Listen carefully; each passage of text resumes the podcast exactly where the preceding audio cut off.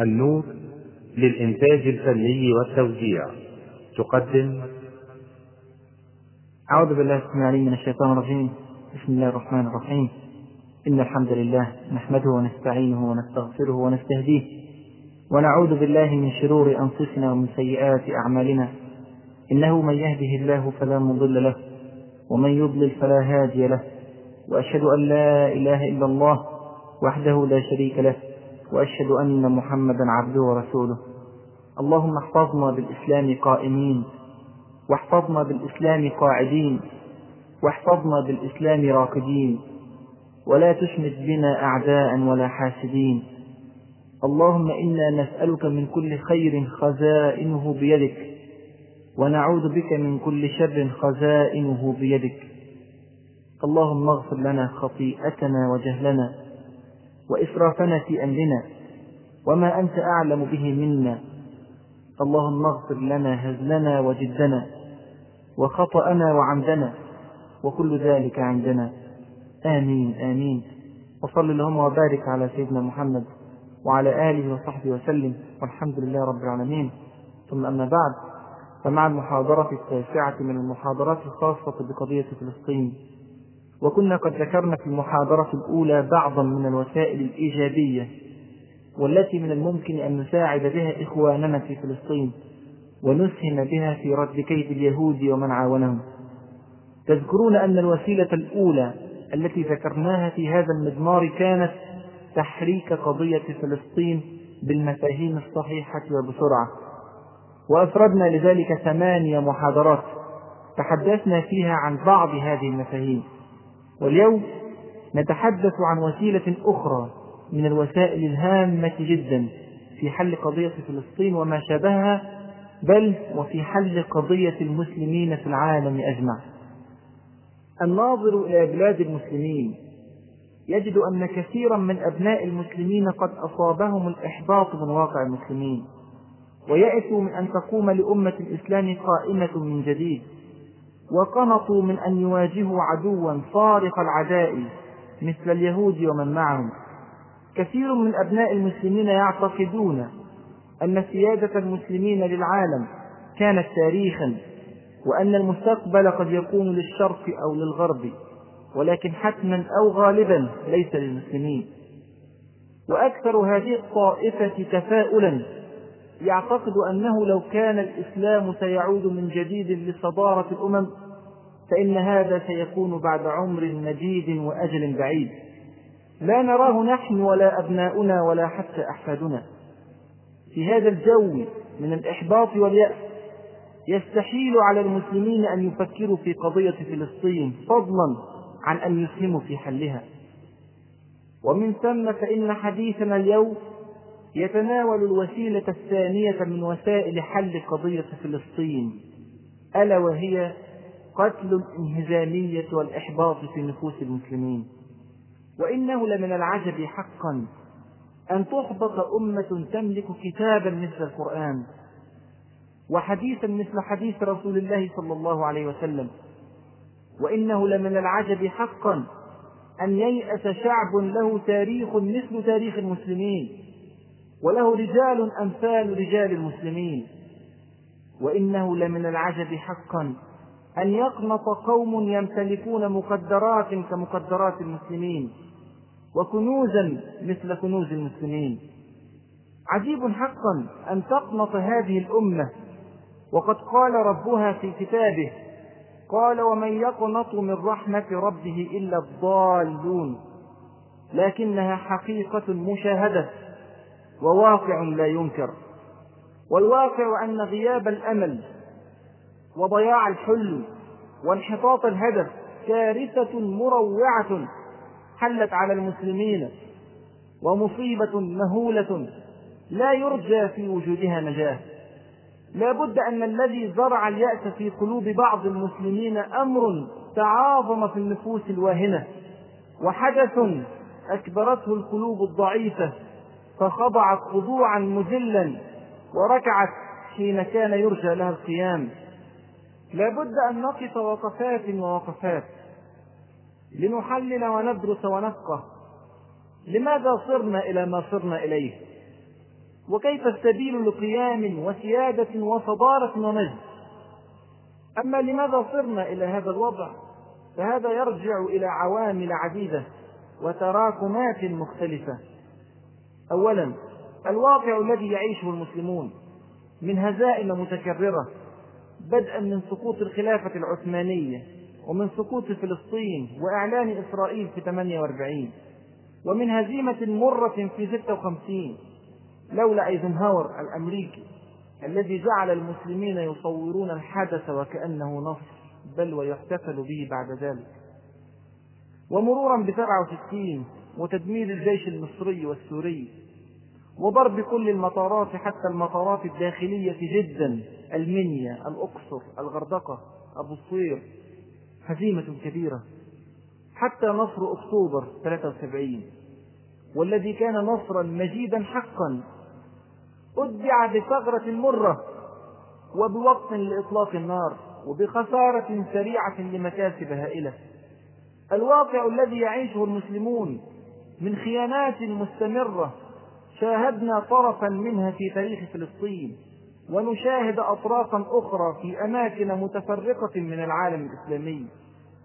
الواقع الذي يعيشه المسلمون من إباحية في وسائل الإعلام الرسمية وغير الرسمية ومن سرقات واحتيالات ومن هروب بمليارات من أموال المسلمين بينما يتضور بعضهم جوعا. ومن انهيار للاقتصاد وديون متراكمة وإفلاسات مشهرة. الواقع الذي يعيشه المسلمون من فرقة وتناحر وتشاحن بين المسلمين وأحيانا بين الملتزمين من المسلمين. هذا الواقع يورث في نفوس بعض المسلمين أو في نفوس كثير من المسلمين إحباطا ويأسا. يشعرون معه أن القيام من جديد إن لم يكن صعبا فهو من ضروب المستحيل. هؤلاء الذين قنطوا لم يدركوا طبيعة هذا الدين ولم يدركوا طبيعة هذه الأمة ولم يدركوا طبيعة سنن الله في الأرض. فالله سبحانه وتعالى شاءت حكمته أن يجعل الأيام دولا بين الناس.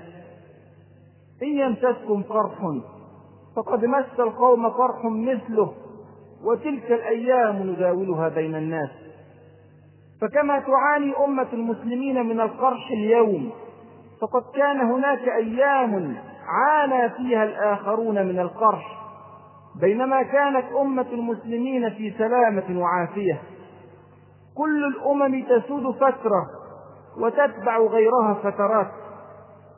كل الأمم تقود زمنا وتنقاد لغيرها أزمانا بل إن كل الأمم تعيش مرة وتموت وتندثر وتختفي مرات إلا أمة واحدة قد تنقاد فترة من الفترات وقد تتبع غيرها زمانا من الأزمان لكنها لا تموت أبدا.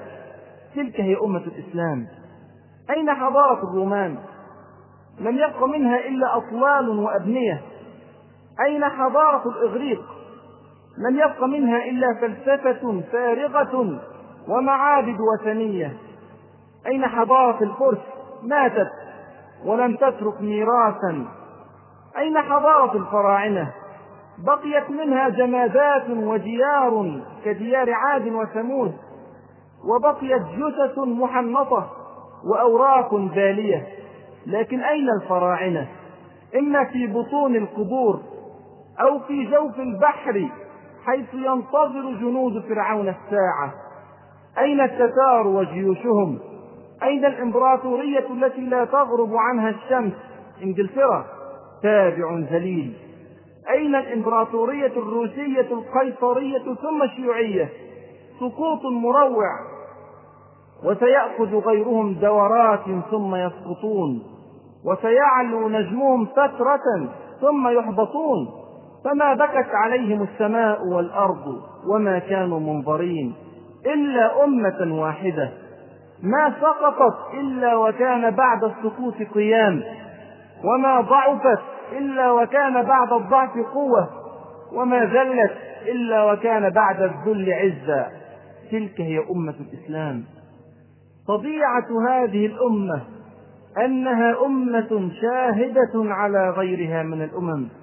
وكذلك جعلناكم أمة وسطا لتكونوا شهداء على الناس ويكون الرسول عليكم شهيدا. حتى الأمم الغابرة قبل أمة الإسلام نشهد عليها بما جاء في كتابنا القرآن والأمم المعاصرة نشهد عليها بما رأيناه بأعيننا وقومناه بمنهجنا وأحكامنا وشرعنا. وسنظل نشهد على الأمم إلى يوم القيامة. فنحن باقون ما دامت الحياة وغيرنا لا شك مندثر وزاهد. طبيعة هذه الأمة أنها تحمل الرسالة الخاتمة والكلمة الأخيرة من الله إلى خلقه. وليس هناك رسول بعد رسولنا صلى الله عليه وسلم. وليست هناك رسالة بعد الإسلام. فلا بد وأن يحفظ الله المسلمين لأجل أهل الأرض جميعا. طبيعة هذه الأمة أنها الأمة الوحيدة التي كان من همها أن تعلم غيرها دون ثمن ولا أجر بل قد يدفع المعلمون المسلمون مالا ويبذلون جهدا وعرقا ووقتا بل ونفسا حتى يعلموا غيرهم. من من الأمم يفعل ذلك غير أمة الإسلام؟ ألم تكن الشعوب تغير على الشعوب لتأخذ خيرها وتنهب أرضها وتقتل أهلها؟ بينما كان المسلمون يضحون بأرواحهم ليستنقذوا الناس من جحيم الكفر والضلال إلى جنة الإيمان والهدى؟ ألم يقل ربعي بن عامر قولا ما تكرر في التاريخ على ألسنة المتحضرين من الأمم غير أمة الإسلام يوضح فيه الرسالة الإسلامية بايجاز فيقول لقد ابتعثنا الله لنخرج العباد من عبادة العباد إلى عبادة رب العباد ومن جور الأديان إلى عدل الإسلام ومن ضيق الدنيا إلى سعة الدنيا والآخرة. لا نريد منكم جزاء ولا شكورا. هذه طبيعة الأمة الإسلامية. بقاؤها هو خير الأرض وذهابها فناء الأرض. كنتم خير أمة أخرجت للناس تأمرون بالمعروف وتنهون عن المنكر وتؤمنون بالله. إذا كانت هذه هي طبيعة الأمة الإسلامية فلماذا الإحباط واليأس؟ يبدو لي أنه ليس الواقع فقط هو المسؤول عن هذه الحالة من الإحباط ولكن يبدو أن وراء الأمور أمور. يبدو أن هناك من يدبر ويخطط ويكيد حتى يزرع بذور اليأس في قلوب المسلمين. جزء من المؤامرة الفكرية التي تحدثنا عنها في أول محاضرة. من هم المتآمرون؟ وما هي وسائلهم؟ الحق أن هذه المؤامرة اشترك فيها الكثيرون اشترك فيها المستشرقون وهم طائفة من العلماء الأوروبيين. أكل الغل قلوب معظمهم وحرق الحقد صدور غالبيتهم وأعمى الحسد بصائر جلهم. فجاءوا يتعلمون الإسلام ويدرسون تاريخه ورجاله ومناهجه ليلبسوا على المسلمين دينهم. انتشرت كتبهم وعمت أفكارهم وطغى تحليلهم وباتوا شوكة حامية في حلق المسلمين. وتبع هؤلاء المستشرقين طائفة أخرى يحلو لي أن أسميها طائفة المستغربين. وهم من أبناء المسلمين الذين فتنوا بالغرب وتاقت نفوسهم إليه واستغل الغرب الفرصة ومدوا إليهم أيديهم وصنعوهم على أعينهم ودسوا في عقولهم أفكارهم ثم أعادوهم إلى أوطانهم يحبطون أبناءهم ويشككونهم في دينهم ويقلطونهم من القيام إلا باتباع الغرب. حتى إن بعضهم كان يقول إن بلادنا لن تتقدم إلا إذا نقلت ما في لندن وباريس بحلوه ومره. وبحسنه وسيئه وبمعروفه ومنكره. هكذا عالم ويلبس لباس العلماء ثم هو يطعن في الدين طعنا. ألم يذهب أحدهم وهو من أبناء الأزهر الحافظين للقرآن ألم يذهب إلى فرنسا فتعلم هناك ثم عاد إلى بلاد المسلمين يعلم تلامذته أن ينقضوا القرآن الكريم؟ فهذه آية قوية وهذه آية ضعيفة كبرت كلمة تخرج من أفواههم إن يقولون إلا كذبا. وكان يقول لتلامذته ليس معنى أن القرآن ذكر وجود إبراهيم وإسماعيل أن هذا أمرا حقيقيا. لا بد من برهان مادي. وكان يقول لتلامذته إن الآيات المدنية أكثر نضجا من المكية وكأن هذا من تراكم الخبرة. تعالى الله عما يصفون. وكان يكتب كتبا عن الصحابة وبالذات في زمن الفتنة.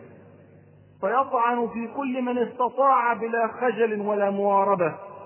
ثم إذا به يترقى في المناصب حتى يصبح وزيرا للتعليم يربي ويعلم ملايين التلاميذ. وهكذا أصبح الشيخ الأزهري من دعاة العلمانية والإحباط والأزهر منه براء. اشترك أيضا في مؤامرة الإحباط المستعمرون الذين جسموا على صدور الأمة عشرات السنين أذاقوها من العذاب ألوانا في مصر وفلسطين وسوريا ولبنان وليبيا والجزائر وتونس والمغرب. واليمن والسودان والعراق والكويت في كل بلاد المسلمين. اشترك في المؤامرة أيضا بعض الحكام الذين أقنعوا شعوبهم أنهم لا طاقة لهم اليوم بجالوت وجنوده. ماذا فعلت هذه الطوائف المختلفة من المتآمرين؟ فعلوا جرائم عدة. واحد جريمة تزوير التاريخ. وهي جريمة بشعة لا يتسع المجال للخوض في تفصيلاتها وسأفرد لها إن شاء الله محاضرة خاصة. كذبوا وزوروا والتقطوا الضعيف والموضوع وأعرضوا عن الصحيح والحسن ونقبوا عن المصائب ولا بد أن في تاريخ كل أمة مصائب وتركوا الأمجاد والفضائل. ركزوا على الجوانب السياسية بمشكلاتها. وأغفلوا الجوانب الأخلاقية والعلمية والمعمارية والعسكرية والاقتصادية والفكرية والأدبية. أساءوا التأويل عن عمد وطعنوا في الشرفاء عن قبض فخرج التاريخ إلينا مسخا مشوها يستحي منه الكثير ويتناساه الأكثر. وقنع المعظم بأنه إذا كان السابقون الأولون على هذه الشاكلة فكيف يرجى خير ممن لحق؟ جريمة كبرى جريمة تزوير التاريخ. جريمة أخرى هي تشويه الواقع. فكما طمسوا تاريخ المسلمين المشرق فليطمسوا واقعهم وحاضرهم. فليشترك المربون والإعلاميون من المستغربين في تغييب الأمة وتحضيض الشعب. وليساعد الإعلام الغربي في هذه المهمة فتسمى الأشياء بغير أسمائها فليكن الالتزام بالإسلام مرادفا للإرهاب وليكن الحجاب مرادفا للتزمت وليكن تطبيق الشرع مرادفا للرجعية والجمود والتخلف. إذا أجرم مسلم في الغرب قالوا أجرم مسلم وإذا أجرم نصراني ذكروه باسمه لا بدينه. كما في حادث تفجير أوكلاهوما المشهور في أمريكا. قالوا فعلها المسلمون.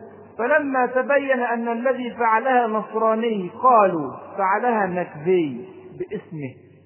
إذا أساء مسلم قالوا أساء مسلم. وإذا نبغ مسلم في علمه قالوا نبغ مصري أو سوري أو باكستاني. وصفوه بقوميته. وآه من تصوير الملتزمين بالإسلام في وسائل الإعلام. كم من المرات يأتون بالشيخ أو المأذون في صورة هزلية مضحكة. كم من المرات يأتون بالمسلمين في الأفلام التي يطلقون عليها إسلامية. يأتون بهم في صورة عجيبة. ينظرون نظرات حالمة. وأبصارهم معلقة بالسماء. ويبتسمون في بلاهة ويتحركون ببطء شديد. سبحان الله وكأن الإنسان إذا أسلم لابد أن يتخلف عقليا بهذه الصورة. كم من المرات يأتون بمن التزم طريق الإسلام ينقلب من الحديث بالعامية إلى الحديث بالعربية الفصحى ولكن في تنطع وتقعر شديدين. ومن حوله من الناس لا يفهمونه وينظرون إليه مستنكرين. سبحان الله. مع أن اللغة العربية من أرقى بل هي أرقى لغات العالم أجمع. جريمة كبرى إلى جانب جريمة تزويد التاريخ. تلك هي جريمة تشويه الواقع. ثلاثة. جريمة ثالثة. تعظيم الغرب. فبعد أن كسر رموزك الإسلامية في التاريخ والواقع رفع لك جدا من قيمة الغرب حتى لا يبقى أمامك خيار إلا الاتباع الذليل والتقليد الأعمى. عظموا سلاح الغرب ومدنية الغرب وأخلاق الغرب وعقل الغرب وأدب الغرب وفن الغرب بل وعظموا لغة الغرب. حتى افتتن المسلمون وأصبح الرجل يحرص على تعليم الإنجليزية لابنه. أكثر من حرصه على العربية وحتى ابتلينا بما أطلقوا عليه مدارس إسلامية للغات. بحجة أننا يجب أن نعلم أبناءنا لغة الغرب لندعوهم إلى الإسلام. أتتعلمها على حساب لغتك؟ وبحجة أن الأعمال المرموقة لا بد لها من لغة أجنبية جيدة على حساب لغة القرآن. وحتى لو أتيت لابنك بمعلم للعربية في البيت سيظل الطفل معظما للغة الأولى في مدرسته. في فرنسا لو خاطبت رجلا بالإنجليزية ما رد عليك إلا متأففا لاعتزازه بلغته. في ألمانيا كذلك إذا أردت أن تعيش هناك فلا حديث إلا بالألمانية. والله يا إخوة ذهبت إلى المركز الثقافي الأسباني. أبحث عن بعض الصور الخاصة بتاريخ المسلمين في الأندلس. ما وجدت عندهم كتابا واحدا بالإنجليزية فضلا عن العربية. وعندما قلت لهم إن اللغة الأسبانية محدودة جدا في مصر فعليهم أن يأتوا بكتب مترجمة حتى نفهمها. قالوا من أراد أن يعرف عنا شيئا فليتعلم لغتنا. هكذا يعتزون بلغتهم المحدودة. جريمة تعظيم الغرب. أدت إلى فقد الطموح عند الشباب وضعف الهمم وهوان العزم ويصبح أمل الشاب المسلم في الحياة أن يلقي بوطنه وأهله وراء ظهره وينطلق إلى بلاد الغرب إلى أمريكا وأوروبا ليعيش في جنة الله في أرضه. نتيجة هذه الجرائم والمؤامرات أحبط كثير من المسلمين إحباطا شديدا ورضخوا للواقع وقنعوا بالسير في ذيل الحضارة الغربية. ومع ضخامة المؤامرة وبشاعة الكيد فإني أعود من جديد وأتعجب. كيف يمكن أن تحبط أمة تمسك في يدها بكتاب القرآن؟ ألم تسمعوا إلى قوله سبحانه وتعالى ويمكرون ويمكر الله. والله خير الماكرين. يا إخوتي وأحبابي كل ما ذكرناه من جرائم ومكائد ومؤامرات وتزوير وتشويه وخيانات وعمالات ونفاق وكذب كل هذا يدخل تحت كلمة ويمكرون. خذ الجانب الآخر من المقابلة. ويمكر الله. والله خير الماكرين. الله يا إخوة. يقابل مكرهم بمكره وما قدر الله حق قدره والأرض جميعا قبضته يوم القيامة والسماوات مطويات بيمينه سبحانه وتعالى عما يشركون أيها المسلمون إن كان أصابكم شيء من الإحباط فلكونكم لم تفهموا المعركة على حقيقتها ولم تدركوا الصدام بكامل أبعاده هي ليست حربا بين المسلمين والكافرين وإن كان ظاهرها كذلك. إنما هي في حقيقتها حرب بين الله وبين من مرق عن طريقه وكفر بعبادته وارتضى غيره حكما وقبل غير كتابه شرعا. هي حرب بين الله وبين طرف صغير حقير من مخلوقاته سبحانه. لكن الله من رحمته بالمؤمنين. ومن كرمه عليهم من عليهم بأن جعلهم جنده وحزبه أولياءه. فالمؤمنون يقفون أمام الكافرين ملتزمين بمنهج ربهم في وقوفهم. كما أمرهم يفعلون لا يترددون ولا يفرون. واثقين بوعده راغبين في جنته راهبين لناره مخلصين له معتمدين عليه لاجئين إليه. إن فعلوا ذلك كان هو سبحانه جلت قدرته وتعاظمت أسماؤه. كان المدافع عنهم الحامي لهم المؤيد لقوتهم الناصر لجيشهم الناصر لفكرتهم المنتقم من عدوهم. واسمعوا وأنصتوا لقوله سبحانه وتعالى حتى تفهموا حقيقة المعركة. فلم تقتلوهم. ولكن الله قتلهم. وما رميت إذ رميت ولكن الله رمى. إنهم يكيدون كيدا وأكيد كيدا سبحانه وتعالى. ومكروا مكرا ومكرنا مكرا وهم لا يشعرون. فانظر كيف كان عاقبة مكرهم أنا دمرناهم وقومهم أجمعين. أيها المسلمون المعتزون بإسلامهم هل تعلمون لمن تعملون؟ وإلى أي ركن تأوون؟ إنكم تعملون لله وتأوون إلى ركن شديد. سبحانه أو إذا جلس المتآمرون في جنح الظلام يدبرون ويخططون أهم بعيدون عن عينه؟ سبحانه يا بني إنها إن تك مثقال حبة من خردل فتكن في صخرة أو في السماوات أو في الأرض. يأتي بها الله. إن الله لطيف خبير. أو إذا أطلق المتآمرون صاروخا أو رصاصة أتسقط بغير علمه سبحانه؟ إذا كان يعلم بسقوط أوراق الشجر عبر الزمان والمكان فكيف بسقوط الصواريخ؟ وعنده مفاتح الغيب لا يعلمها إلا هو ويعلم ما في البر والبحر.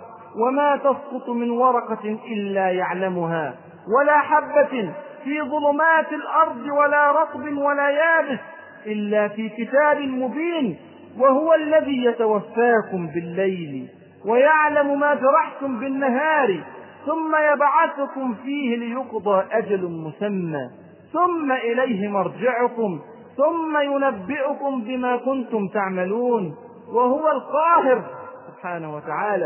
وهو القاهر فوق عباده ويرسل عليكم حفظه حتى إذا جاء أحدكم الموت توفته رسلنا وهم لا يفرطون ثم ردوا إلى الله مولاهم الحق. ألا له الحكم وهو أسرع الحاسبين. قل من ينجيكم من ظلمات البر والبحر؟ تدعونه تضرعا وخفية. لئن أنجانا من هذه لنكونن من الشاكرين. قل الله ينجيكم. الله ينجيكم يا إخوة. قل الله ينجيكم منها ومن كل كرب ثم أنتم تشركون. قل هو القادر على أن يبعث عليكم عذابا من فوقكم أو من تحت أرجلكم أو يلبسكم شيعا ويذيق بعضكم بأس بعض. انظر كيف نصرف الآيات لعلهم يفقهون. وكذب به قومك وهو الحق. قل لست عليكم بوكيل لكل نبأ مستقر وسوف تعلمون.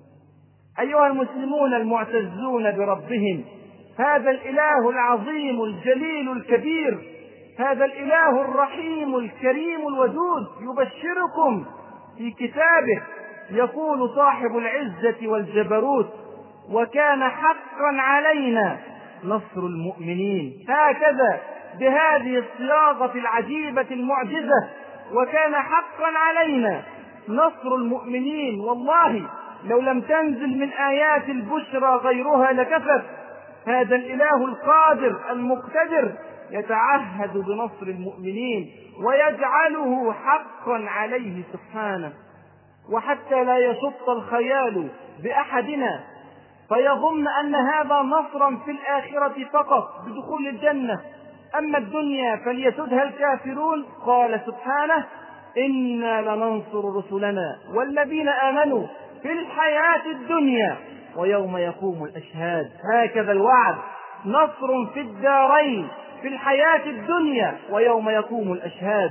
إن وجد المؤمنون فلا بد لهم من نصر. هكذا وعد. وهو سبحانه لا يخلف الميعاد. استمعوا إلى قوله تعالى وعد الله الذين آمنوا منكم وعملوا الصالحات ليستخلفنهم في الأرض كما استخلف الذين من قبلهم وليمكنن لهم دينهم الذي ارتضى لهم وليبدلنهم من بعد خوفهم أمنا. يعبدونني لا يشركون بي شيئا. ومن كفر بعد ذلك فأولئك هم الفاسقون. فإذا توفر الإيمان والعمل الصالح والعبادة الخالصة دون الشرك به سبحانه كان الاستخلاف في الأرض وكان التمكين للدين وكان الأمن بعد الخوف. من الذي وعد بذلك؟ إنه جبار السماوات والأرض مالك الملك ذو الجلال والإكرام. سبحانه. انظروا إلى هذه الصورة الرائعة الجلية في غزوة بني النضير. يقول سبحانه وتعالى هو الذي أخرج الذين كفروا من أهل الكتاب من ديارهم لأول الحشر. ما ظننتم أن يخرجوا. أنتم أيها المؤمنون المقاتلون المجاهدون. لما رأيتم مناعة الحصون وبأسها ظننتم أن اليهود لن يهزموا ما ظننتم أن يخرجوا. وظنوا أي اليهود وظنوا أنهم مانعتهم حصونهم من الله. ماذا حدث؟ فأتاهم الله من حيث لم يحتسبوا وقذف في قلوبهم الرعب يخربون بيوتهم بأيديهم وأيدي المؤمنين. طيب وبعدين؟ ما النتيجة؟ فاعتبروا. فاعتبروا يا أولي الأبصار الغاية من القصة أن نعتبر. القرآن ليس تأريخا لما سبق لمجرد التأريخ. القرآن كتاب عظيم ينبض بالحياة ويهدي إلى صراط مستقيم. أيها المسلمون المعتزون برسولهم صلى الله عليه وسلم ألم تسمعوا إلى قول رسولكم وحبيبكم محمد صلى الله عليه وسلم وهو يقول في الحديث الذي رواه الإمام مسلم رحمه الله عن ثوبان رضي الله عنه إن الله زوى لي الأرض فرأيت مشارقها ومغاربها وإن أمتي سيبلغ ملكها ما زوي لي منها. نعم يا إخوة سيبلغ ملك المسلمين مشارق الأرض ومغاربها بكل ما تحمله الكلمة من معاني. ألم تسمعوا إلى قول مرشدكم وقدوتكم محمد صلى الله عليه وسلم وهو يقول في الحديث الذي رواه الإمام أحمد والطبراني وابن حبان وصححه الألباني عن تميم الداري رضي الله عنه قال سمعت رسول الله صلى الله عليه وسلم يقول ليبلغن هذا الأمر يعني الإسلام ما بلغ الليل والنهار. أي كل الأرض وأي جزء في الأرض لا يبلغه الليل والنهار. ولا يترك الله بيت مدر ولا وبر إلا أدخله الله هذا الدين. المدر هو الحجر أي بيوت المدن. والوبر هو الشعر أي بيوت البادية. كل بيوت الأرض بيوت المدن وبيوت البادية سيدخلها الإسلام. إلا أدخله الله هذا الدين. بعز عزيز أو بذل ذليل. عزا يعز الله به الإسلام وذلا يذل الله به الكفر. وعود من الصادق المصدوق صلى الله عليه وسلم وما ينطق عن الهوى إن هو إلا وحي يوحى. بل اسمع وتأمل. روى الإمام أحمد وصححه الألباني عن أبي قبيل رحمه الله قال كنا عند عبد الله بن عمرو بن العاص رضي الله عنهما وسئل أي المدينتين تفتح أولا؟ القسطنطينية أو رومية فدعا عبد الله بصندوق له حلق قال فأخرج منه كتابا. قال فقال عبد الله بينما نحن حول رسول الله نكتب إذ سئل رسول الله صلى الله عليه وسلم أي المدينتين تفتح أولا قسطنطينية أو رومية؟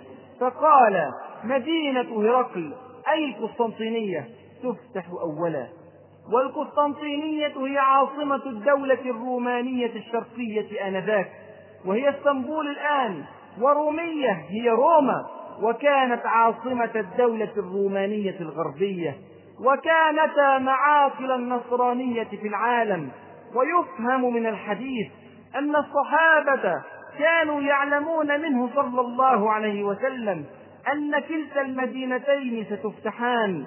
لكن يسألون أي المدينتين تفتح أولا؟ فبشر صلى الله عليه وسلم بفتح القسطنطينية أولا وقد كان وتحققت البشارة النبوية بعد أكثر من ثمانمائة سنة وبالضبط في عشرين جماد الأولى سنة 857 هجرية.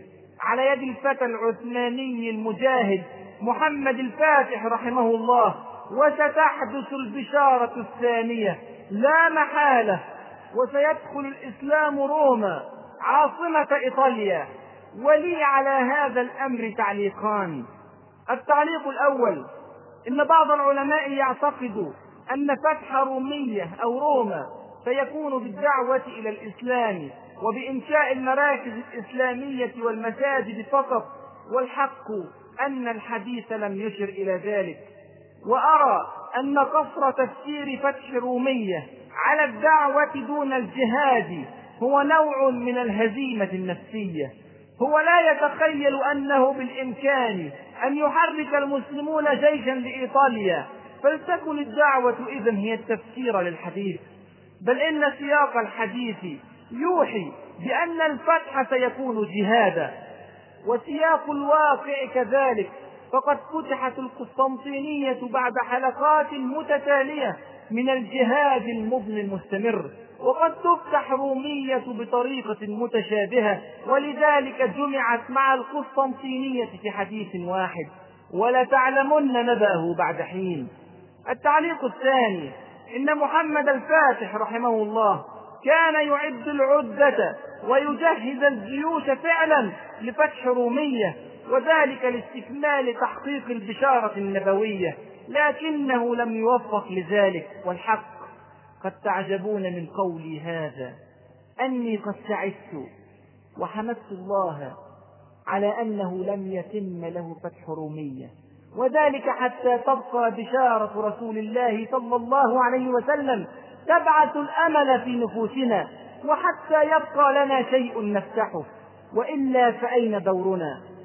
أليس لنا من دور غير التصفيق لأجدادنا الفاتحين؟ أبدا نحن إن شاء الله على دربك يا رسول الله سائرون. ولما بقي منك يا محمد الفاتح إن شاء الله فاتحون. وليس وعد رسول الله صلى الله عليه وسلم بمدينتين فقط فقد وعد كما ذكرنا بفتح الأرض جميعا ووعد ربنا بنصر المؤمنين. ولقد رأينا ذلك في صفحات تاريخنا. لا أقول أياما أو شهورا أو سنوات بل رأيناه قرونا عديدة. وكان المسلمون دائما أقل عددا وعدة. رأينا المسلمين ينصرون على عدوهم في بدر مع فارق العدد والعدة. انظروا إلى وصفه سبحانه. ولقد نصركم الله ببدر وأنتم أذلة. انظروا إلى التصوير. ولقد نصركم الله ببدر وأنتم أذلة. فاتقوا الله لعلكم تشكرون. رأينا المسلمين ينصرون في اليمامة باثني عشر ألفا ضد أربعين ألفا من المرتدين. رأينا خالد بن الوليد يفتح العراق بثمانية عشر ألفا من الرجال. فيدك حصون الفرس في خمس عشرة موقعة متتالية دون هزيمة وكانت أقل جيوش الفرس ستين ألفا. رأينا المسلمين في القادسية ينصرون باثنين وثلاثين ألفا من الرجال على مئتين وأربعين ألفا من الفرس. رأينا المسلمين في نهوند ينصرون بثلاثين ألفا على مئة وخمسين ألفا من الفرس. رأينا المسلمين في تستر ينصرون بثلاثين ألفا على مئة وخمسين ألفا من الفرس. حدث ذلك ثمانين مرة. دون هزيمة ثمانين مرة في موقعة تستر يلتقي المسلمون مع الفرس فيهزمونهم. رأينا المسلمين ينصرون في اليرموك بتسعة وثلاثين ألفا على مئتي ألف من الروم. رأينا المسلمين ينصرون في وادي برباط في فتح الأندلس باثني عشر ألفا على مئة ألف قوطي أسباني. رأينا ذلك وأمثاله مئات بل آلاف من المرات. اقرأوا التاريخ يا إخوة. والله الذي لا إله إلا هو. لا يوجد تاريخ في الأرض مثل تاريخ المسلمين ولا يوجد دين مثل دين المسلمين ولا يوجد رجال مثل رجال المسلمين. حتى السقطات حتى السقطات التي كانت في تاريخ المسلمين أتبعت بقيام أقوى وأشد. وتعالوا نقلب صفحات القلائل بعد وفاة الرسول صلى الله عليه وسلم ارتدت الجزيرة العربية بكاملها إلا ثلاث مدن وقرية المدينة ومكة والطائف وقرية هجر بالبحرين. ولم تكن الردة كما يعتقد البعض بمنع الزكاة فقط بل ارتد كثير عن الإسلام بالكلية. ومنهم من فتن المسلمين في دينهم ومنهم من قتل المسلمين بل إن منهم من ادعى النبوة وليسوا بالقليلين وعم الكفر جزيرة العرب وآية بعض الصحابة فكان الموقف أشد مما نحن فيه الآن ألف مرة.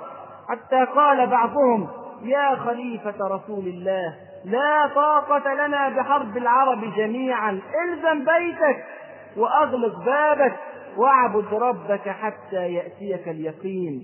ظنوا أنه لا أمل في القيام لكن الله من على المسلمين بأبي بكر الصديق رضي الله عنه الذي قام كالأسد الهصور يردد قولة لو قالها المسلمون لفادوا الدنيا جميعا.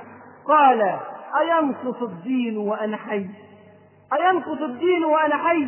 أقاتلهم وحدي حتى تنفرد سالفتي وقام وقام معه المسلمون فما هو إلا عام من الجهاد والقتال والنزال حتى أشرقت الأرض من جديد بنور ربها وأسلمت الجزيرة العربية بكاملها بل وأخذ أبو بكر الصديق قرارا أحسب أنه أعجب القرارات في التاريخ وهو إخراج جيشين من جزيرة العرب جيش لفتح بلاد فارس وجيش لفتح بلاد الروم عجبا عجبا لك أيها الجبل دولتان تقتسمان العالم ودولة صغيرة خارجة من حرب أهلية مدمرة لكنه يا إخوة موعود وكان حقا علينا نصر المؤمنين ويفتح الله عليه الدولتين وتكون انتصارات بلا هزائم وتمكين بلا ضعف وأمن بلا خوف. أسمعتم يا إخوتي عن ملوك الطوائف؟ أرأيتم كيف قسمت بلاد الأندلس إلى أكثر من عشرين دويلة صغيرة متناحرة مع أختها؟ أرأيتم العمالة والخيانة والخزي والعار؟ أرأيتم السفه والمجون؟ ثم أرأيتم ما شابه ذلك في بلاد المغرب والجزائر والسنغال وموريتانيا في قبائل البربر؟ أرأيتم الزنا كيف فشى والخمور كيف انتشرت؟ أرأيتم السلب والنهب كيف طغى على الأرض؟ ثم جاء رجل رجل واحد الشيخ عبد الله بن ياسين يدعو إلى الله على بصيرة ويربي ويعلم ويجاهد ويصابر. فإذا الرجل رجلان والرجلان أربعة والأربعة ألف وألفان وعشرة آلاف.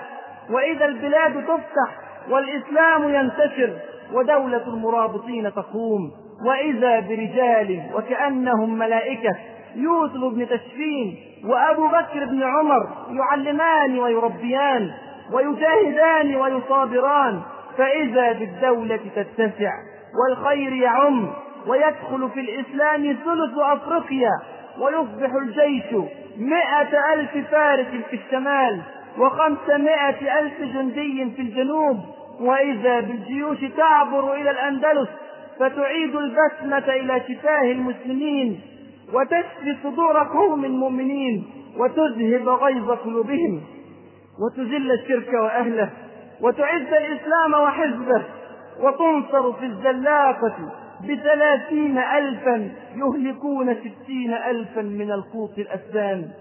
أرأيتم كيف تكون طاقة الإسلام؟ أرأيتم كيف يكون رجال الإسلام؟ أرأيتم كيف يكون شرع الإسلام؟ ولماذا نذهب بعيدا؟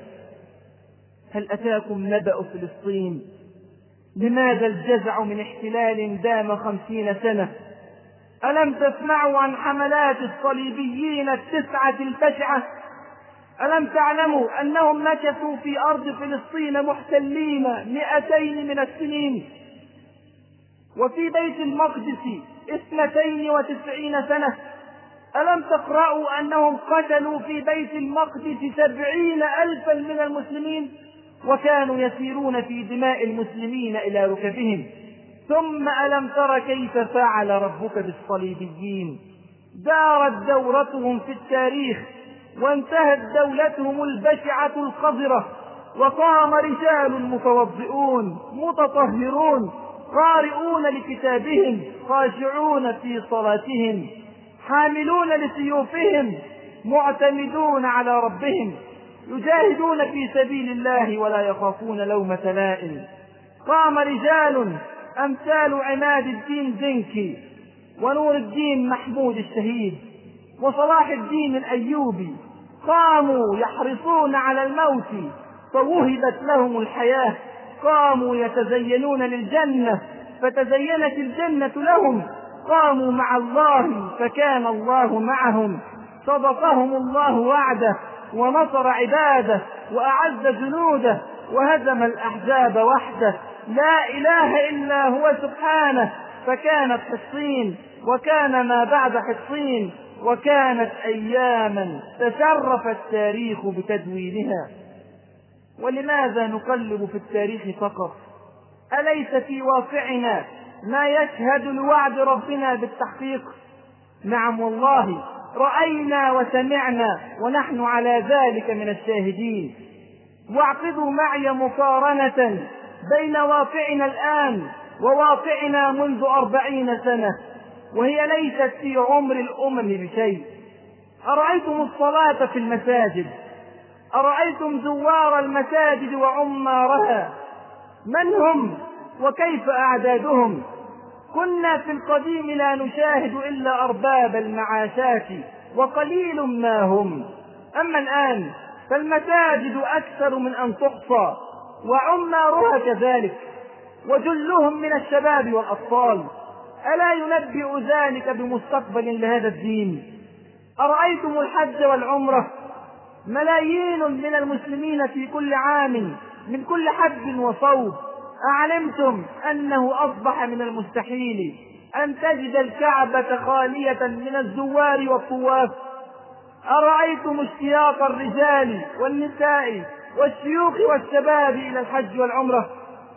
أرأيتم الحجاب وانتشاره؟ في الستينات في الجامعة المصرية.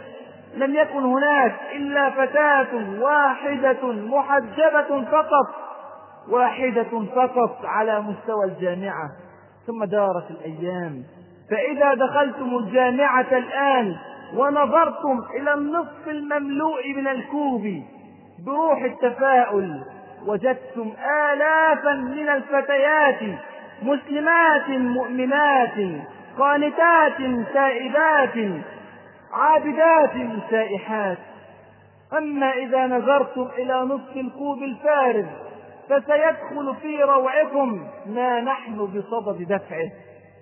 أرأيتم إلى الانتخابات في النقابات والاتحادات وغيرها؟ ألم تلمسوا تعاطفا وحبا وتضامنا مع من رفع الإسلام شعارا؟ واتخذه منهجا وإماما. ألم تشاهدوا بأعينكم كيف يختار المسلمون المسلمين دون أن يعرفوا أشخاصهم لا لشيء إلا لأنهم فقط يعتزون بإسلامهم؟ أرأيتم معارض الكتاب؟ ألم تلحظوا أن أكثر الكتب مبيعا هي الكتب الإسلامية؟ وأن أشد الأجنحة زحاما هي الأجنحة الإسلامية وأن أغزر الدور إنتاجا هي الدور الإسلامية. بل أرأيتم كيف إن كل الفئات على اختلاف توجهاتها تحاول الآن أن تلعب بورقة الإسلام حتى وإن كانوا لا يرغبونه وذلك لعلمهم بأن هوى الناس وميلهم أصبح للشرع وللإسلام نعم والله رأينا. رأينا أحزابا علمانية تعلن في برامجها أطروحات إسلامية. رأينا بنوكا ربوية تفتح فروعا للمعاملات الإسلامية. رأينا محلات لتصفيف الشعر للنساء تفتح أقساما للمحجبات. رأينا برامج تلفزيونية ما كانت تحادث إلا فنانين وفنانات وراقصين وراقصات. بدأت تروج لبرامجها باستضافة علماء المسلمين. رأينا كل ذلك وغيره وسوف تحمل الأيام المزيد. ثم تعال يا أخي ندقق النظرة ونوسع المدارك ونخرج للساحة العالمية. ألم تسمع إلى نصر الأفغان على الروس في بضع سنين؟ لله الأمر من قبل ومن بعد. ويومئذ يفرح المؤمنون بنصر الله. ينصر من يشاء وهو العزيز الرحيم. وعد الله لا يخلف الله وعده ولكن أكثر الناس لا يعلمون. إياك إياك أن تظن أن الروس هزموا بجبال أفغانستان الوعرة بل هزموا لأن الله هزمهم وردوا لأن الله ردهم.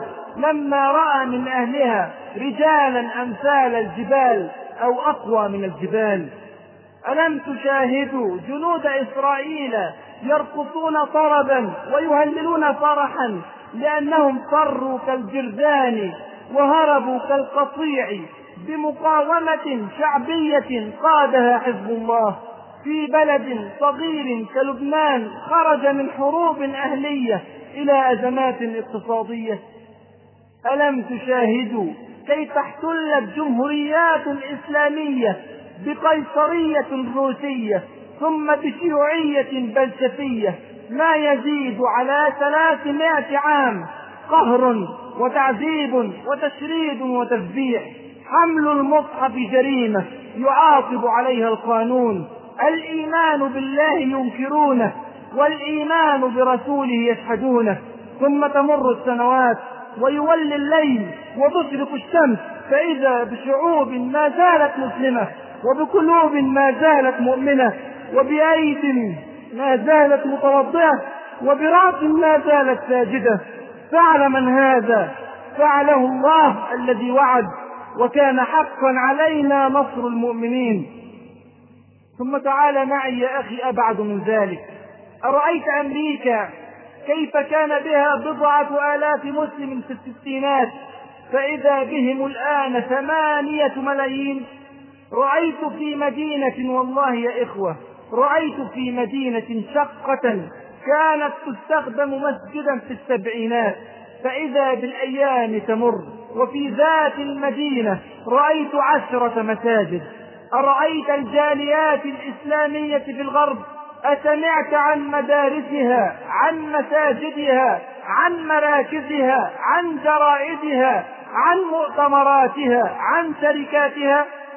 أعلمت يا أخي أن دين الإسلام هو أسرع الأديان نموا في العالم الآن. أعلمت أن موقعا إسلاميا على الإنترنت يدخله يوميا مليونان من الزائرين منهم مليون في أمريكا وحدها. أليس هذا فتحا ونصرا وعزا وأملا؟ ثم يا إخواني ويا أحبابي من تقاتلون؟ وأي الأقوام تحاربون؟ أليسوا اليهود ومن عاونهم؟ أليسوا الذين قال عنهم ربنا ضربت عليهم الذلة أينما ثقفوا؟ أليسوا الذين قال عنهم ربنا لا يقاتلونكم جميعا إلا في قرى محصنة أو من وراء جدر؟ أليسوا الذين قال عنهم ربنا ولتجدنهم أحرص الناس على حياة ومن الذين أشركوا؟ هؤلاء هم اليهود. أتخشونهم؟ فالله أحق أن تخشوه إن كنتم مؤمنين. قاتلوهم يعذبهم الله بأيديكم ويخزهم وينصركم عليهم ويشفي صدور قوم مؤمنين ويذهب غيظ قلوبهم ويتوب الله على من يشاء. والله عليم حكيم. إن كان اليهود أو كانت الأرض جميعا معهم أتخشونهم؟ أتخشون كثرتهم وأحزابهم وتجمعهم؟ ألم يخاطبهم الله وأمثالهم بقوله ولن تغني عنكم فئتكم شيئا ولو كثرت وأن الله مع المؤمنين. أتخشون عدتهم؟ ألم يقل ربنا كل الذين كفروا ستغلبون وتحشرون إلى جهنم وبئس المهاد. أتخشون أموالهم؟ ألم يقل ربنا إن الذين كفروا ينفقون أموالهم ليصدوا عن سبيل الله؟ فسينفقونها ثم تكون عليهم حسرة ثم يغلبون. والذين كفروا إلى جهنم يحشرون. أتخشون عقولهم وجوارحهم؟ ألم يصفهم ربنا بقوله لهم قلوب لا يفقهون بها ولهم أعين لا يبصرون بها ولهم آذان لا يسمعون بها؟ أولئك كالأنعام بل هم أضل أولئك هم الغافلون. هل تظنون أيها الإخوة المسلمون أن حياة هؤلاء نصر بلا هزيمة وعز بلا ذل.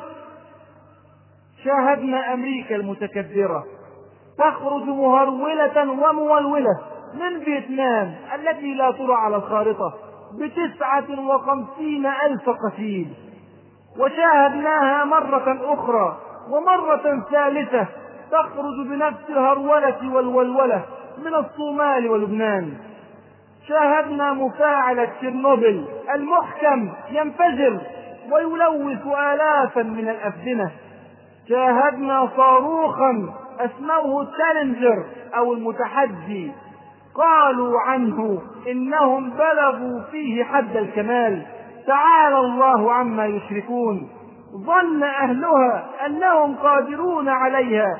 أتاها أمرنا ليلا أو نهارا. فجعلناها حصيدا كأن لم تغن بالأمس.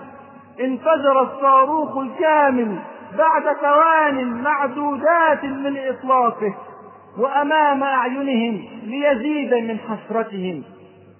شاهدنا فيضانا يغرق مدينة في ساعتين. مدينة نيو أورليانز في أمريكا. في مايو سنة 95 ففتحنا أبواب السماء بماء منهمر وفجرنا الأرض عيونا فالتقى الماء على أمر قد قدر. شاهدنا عاصفة ثلجية تدفن السيارات تماما وتغلق الشوارع وتوقف الحياة ثلاثة أيام متصلة في نيويورك المدينة العصرية الحديثة. شاهدنا إعصارا يحمل سيارات النقل الضخمة ويقذف بها فوق المنازل. شاهدنا ريحا صرصرا في يوم نحس مستمر. تقتلع الشجر في الغابات وتمحو الحياة في لحظات. شاهدنا ذلك ولكن يا للحسرة لم نشاهد هناك مدكر. شاهدنا مجتمعا مهلهلا مفككا منحطا. يعيش على الرذيلة ولا يهتم بالفضيحة. أهواؤه تسيره ورغباته تحركه وشهواته تسيطر عليه وتدمره. انظروا معي إلى هذه الأرقام. تصف حال المراهقين الأمريكان الذين لم يبلغوا بعد ثمانية عشر عاما من العمر والذين سيحكمون بلادهم بعد عشر سنوات. خمسة وخمسون بالمئة.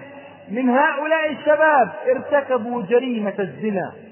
ترتفع النسبة إلى ثمانين بالمئة في المدن الكبرى وتنخفض إلى ثلاثة وثلاثين بالمئة في المناطق الريفية. أي أن أشرف مناطق أمريكا يرتكب فيها الزنا بنسبة ثلاثة وثلاثين بالمئة. هذا تحت الثامنة عشرة من العمر. فإذا صعدنا فوق ذلك قاربت النسبة تسعين بالمئة. ثلاثمائة وخمسون ألف حالة حمل بدون زواج. كل عام في البنات الأصغر من ثمانية عشر عاما. وهذا عدد أقل بكثير من الحقيقي وذلك لكثرة الإجهاض. أربعة وعشرون بالمئة من العائلات الأمريكية ليس فيها أب. إما لأن الأمة لا تعرف الأب لأنها ارتكبت الزنا مع أكثر من رجل وإما بسبب الطلاق. أربعون بالمئة من الشباب المراهق يجربون المخدرات. أما الخمور فحدث ولا حرج الرقم أكبر من أن يحصى. الجرائم زادت في مدينة دلس الأمريكية بنسبة سبعين بالمئة في عام واحد. السبب الثالث للوفاة في المراهقين هو الانتحار. الانتحار يا إخوة السبب الثالث للوفاة في المراهقين الذين سيحكمون أمريكا بعد ذلك. أمريكا وحدها تسجل اثنتين وثلاثين ألف حالة انتحار كل عام. المرض بالقمار الإجباري القمار الإجباري أي إدمان القمار واحد. من كل سبعة من المراهقين لا يستطيع أن يتخلى عن القمار العنصرية في أمريكا على أشد ما تكون في داخل أمريكا. والتفرقة بين السود والبيض تلمس يوميا وشتان بين منازل وشوارع ومدارس ومحال البيض ومثيلاتها عند السود. أمريكا تعيش على بركان من العنصريات واذكروا ثورة السود في كاليفورنيا منذ عدة سنوات. هذه هي أمريكا يا إخوة من الداخل. هذا هو مجتمع أمريكا المهلهل الذي نخشاه. أخي وحبيبي ورفيقي في طريق الله أتشك في نصر على قوم كهؤلاء؟ أتشك في نصر على جيش غالبيته من الزناة والشواذ؟ أتشك في نصر على جيش أشرب في قلبه حب الخمور والمنكرات؟ أخي وحبيبي ورفيقي في طريق الله لا يغرنك تقلب الذين كفروا في البلاد متاع قليل ثم مأواهم جهنم وبئس المهاد. ولا يحسبن الذين كفروا سبقوا إنهم لا يعجزون. أخي يا من تظن أن النصر قد تأخر اعلم أن النصر لا يأتي إلا بعد أشد لحظات المجاهدة. ألم تسمع إلى قوله تعالى حتى إذا استيأس الرسل وظنوا أنهم قد كذبوا أي ظن أقوامهم الكفار أن الرسل قد كذبوا جاءهم نصرنا.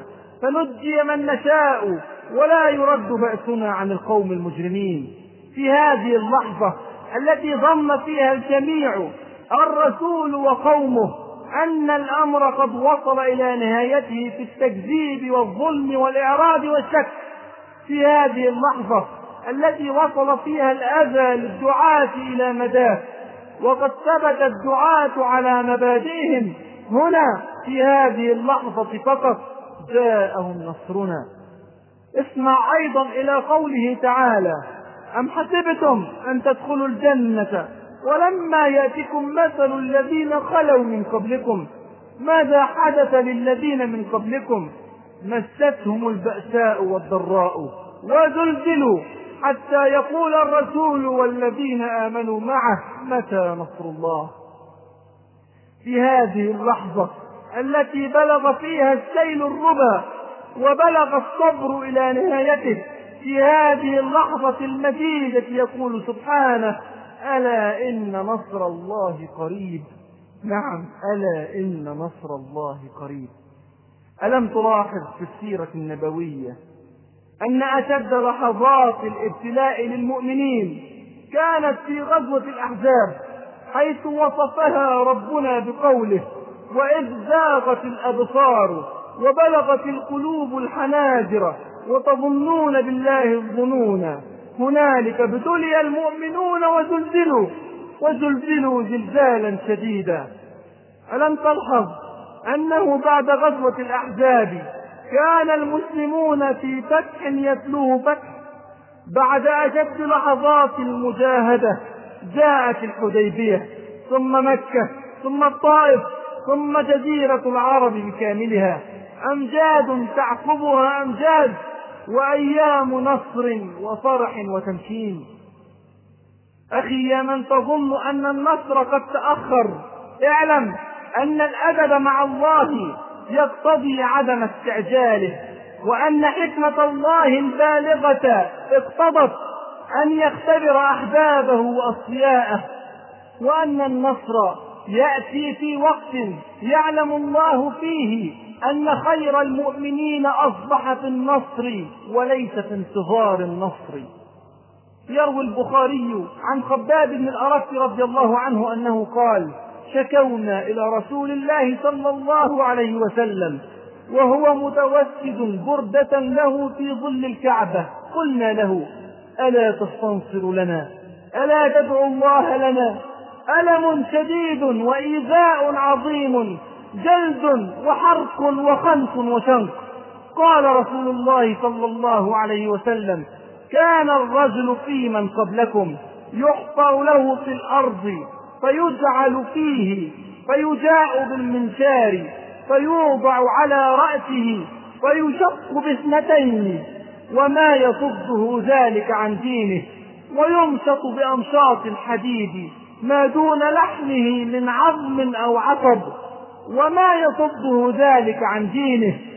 والله ليتمن هذا الأمر أي ليتمن الله هذا الأمر حتى يسير الراكب من صنعاء إلى حضرموت لا يخاف إلا الله أو الذئب على غنمه ولكنكم تستعجلون. سبحان الله. تستعجلون. بعد كل هذا التعذيب في مكة كان خباب بن الأرت يستعجل. نعم ما زال هناك أشياء أخرى. ما زال هناك ترك للمال وترك للأهل وترك للديار. ما زال هناك صراع ونزال. ما زال هناك جهاد وشهادة. أخي يا من تظن أن النصر قد تأخر اعلم أن النصر لا يأتي إلا بيقين فيه. يقين لا يساوره شك ولا تخالطه ريبة. من كان يظن أن لن ينصره الله في الدنيا والآخرة فليمدد بسبب إلى السماء ثم ليقطع فلينظر هل يذهبن كيده ما يغيظ. أرأيت صحابة رسول الله صلى الله عليه وسلم؟ كيف كانوا في الأحزاب لا يأمنون على شيء؟ كيف كانوا محاصرين ومهددين. ثم هم يستمعون إلى بشرى رسول الله صلى الله عليه وسلم بأمور تفوق الخيال. فإذا هم مصدقون وبالبشرى موقنون انظروا كيف يحكي البراء رضي الله عنه أن الرسول صلى الله عليه وسلم كان يضرب الحجر ويقول بسم الله ثم ضرب ضربه وقال الله أكبر. أعطيت مفاتيح الشام. والله إني لأنظر قصورها الحمراء الساعة. ثم ضرب الثانية فقطع آخر فقال الله أكبر أعطيت فارس. والله إني لأبصر قصر المدائن الأبيض الآن. ثم ضرب الثالثة فقال بسم الله. فقطع بقية الحجر فقال الله أكبر أعطيت مفاتيح اليمن. والله إني لأبصر أبواب صنعاء من مكاني. والصحابة في هذا الحصار يستمعون إلى بشرى فتح الشام وفارس واليمن ويصدقون عن يقين وكأنهم يرونه رأي العين مع رسول الله صلى الله عليه وسلم. أخي يا من تظن أن النصر قد تأخر اعلم أن الأجر غير مرتبط بالنصر ولكن بالعمل. من عمل صالحا من ذكر أو أنثى وهو مؤمن فلنحيينه حياة طيبة ولنجزينهم أجرهم بأحسن ما كانوا يعملون. واعلم أنه كلما حسن عملك كلما عظم أجرك وكلما زاد جهدك كلما كمل ثوابك. وأنك إن لم ترى النصر بعينيك فسيراه أبناؤك وأحبابك. إخواني وأحبابي أحمل لكم آية عجيبة وكل آيات الله عجيب. كنز من كنوز المنان وعطية من عطايا الرحمن. ولا تهنوا ولا تحزنوا وأنتم الأعلون إن كنتم مؤمنين. أتعلمون أيها الإخوة متى نزلت هذه الآية؟ نزلت بعد أحد. بعد أحد. بعد هزيمة. نعم ليعلم الله المؤمنين أن العزة والعلو لا يتأثران بهزيمة مرحلية ولا يرتبطان بنصر مرئي ولا يعتمدان على تمكين مشاهد ليعلم الله المؤمنين أن الأيام دول وأن للتاريخ دورات فلهذا دورة ولهذا دورة. أما الدورة الأخيرة فللمؤمنين أيها المؤمنون عباد الله أنتم الأعلون لأن إلهكم الله الذي لا إله إلا هو سبحانه وما كان الله ليعجزه من شيء في السماوات ولا في الأرض. إنه كان عليما قديرا. أنتم الأعلون. لأنكم أتباع النبي الخاتم محمد صلى الله عليه وسلم خير الخلق وسيد الرسل والماحي الذي يمحو الله به الكفر والحاشر الذي يحشر الناس على قدمه والعاقب الذي ليس بعده نبي صلى الله عليه وسلم. أنتم الأعلون لأن كتابكم القرآن فيه نبأ من قبلكم ونبأ ما يأتي بعدكم وحكم ما بينكم من خالفه من الجبابرة قسمه الله عز وجل ومن ابتغى العلم في غيره أضله الله عز وجل وهو حبل الله المتين ونوره المبين وشفاؤه النافع عصمة لمن تمسك به ونجاة لمن اتبعه لا يعوج فيقوم. ولا يزيغ فيستقيم ولا تنقضي عجائبه ولا يخلقه كثرة الترديد. أيها المؤمنون أنتم الأعلون لأن شريعتكم الإسلام دين ودنيا جسد وروح عقل وقلب. ما ترك الله في شريعته من شيء إلا وضحه وبينه. اليوم أكملت لكم دينكم. وأتممت عليكم نعمتي ورضيت لكم الإسلام دينا. أنتم الأعلون لأنكم الأكمل أخلاقا. إنما بعثت لأتمم مكارم الأخلاق.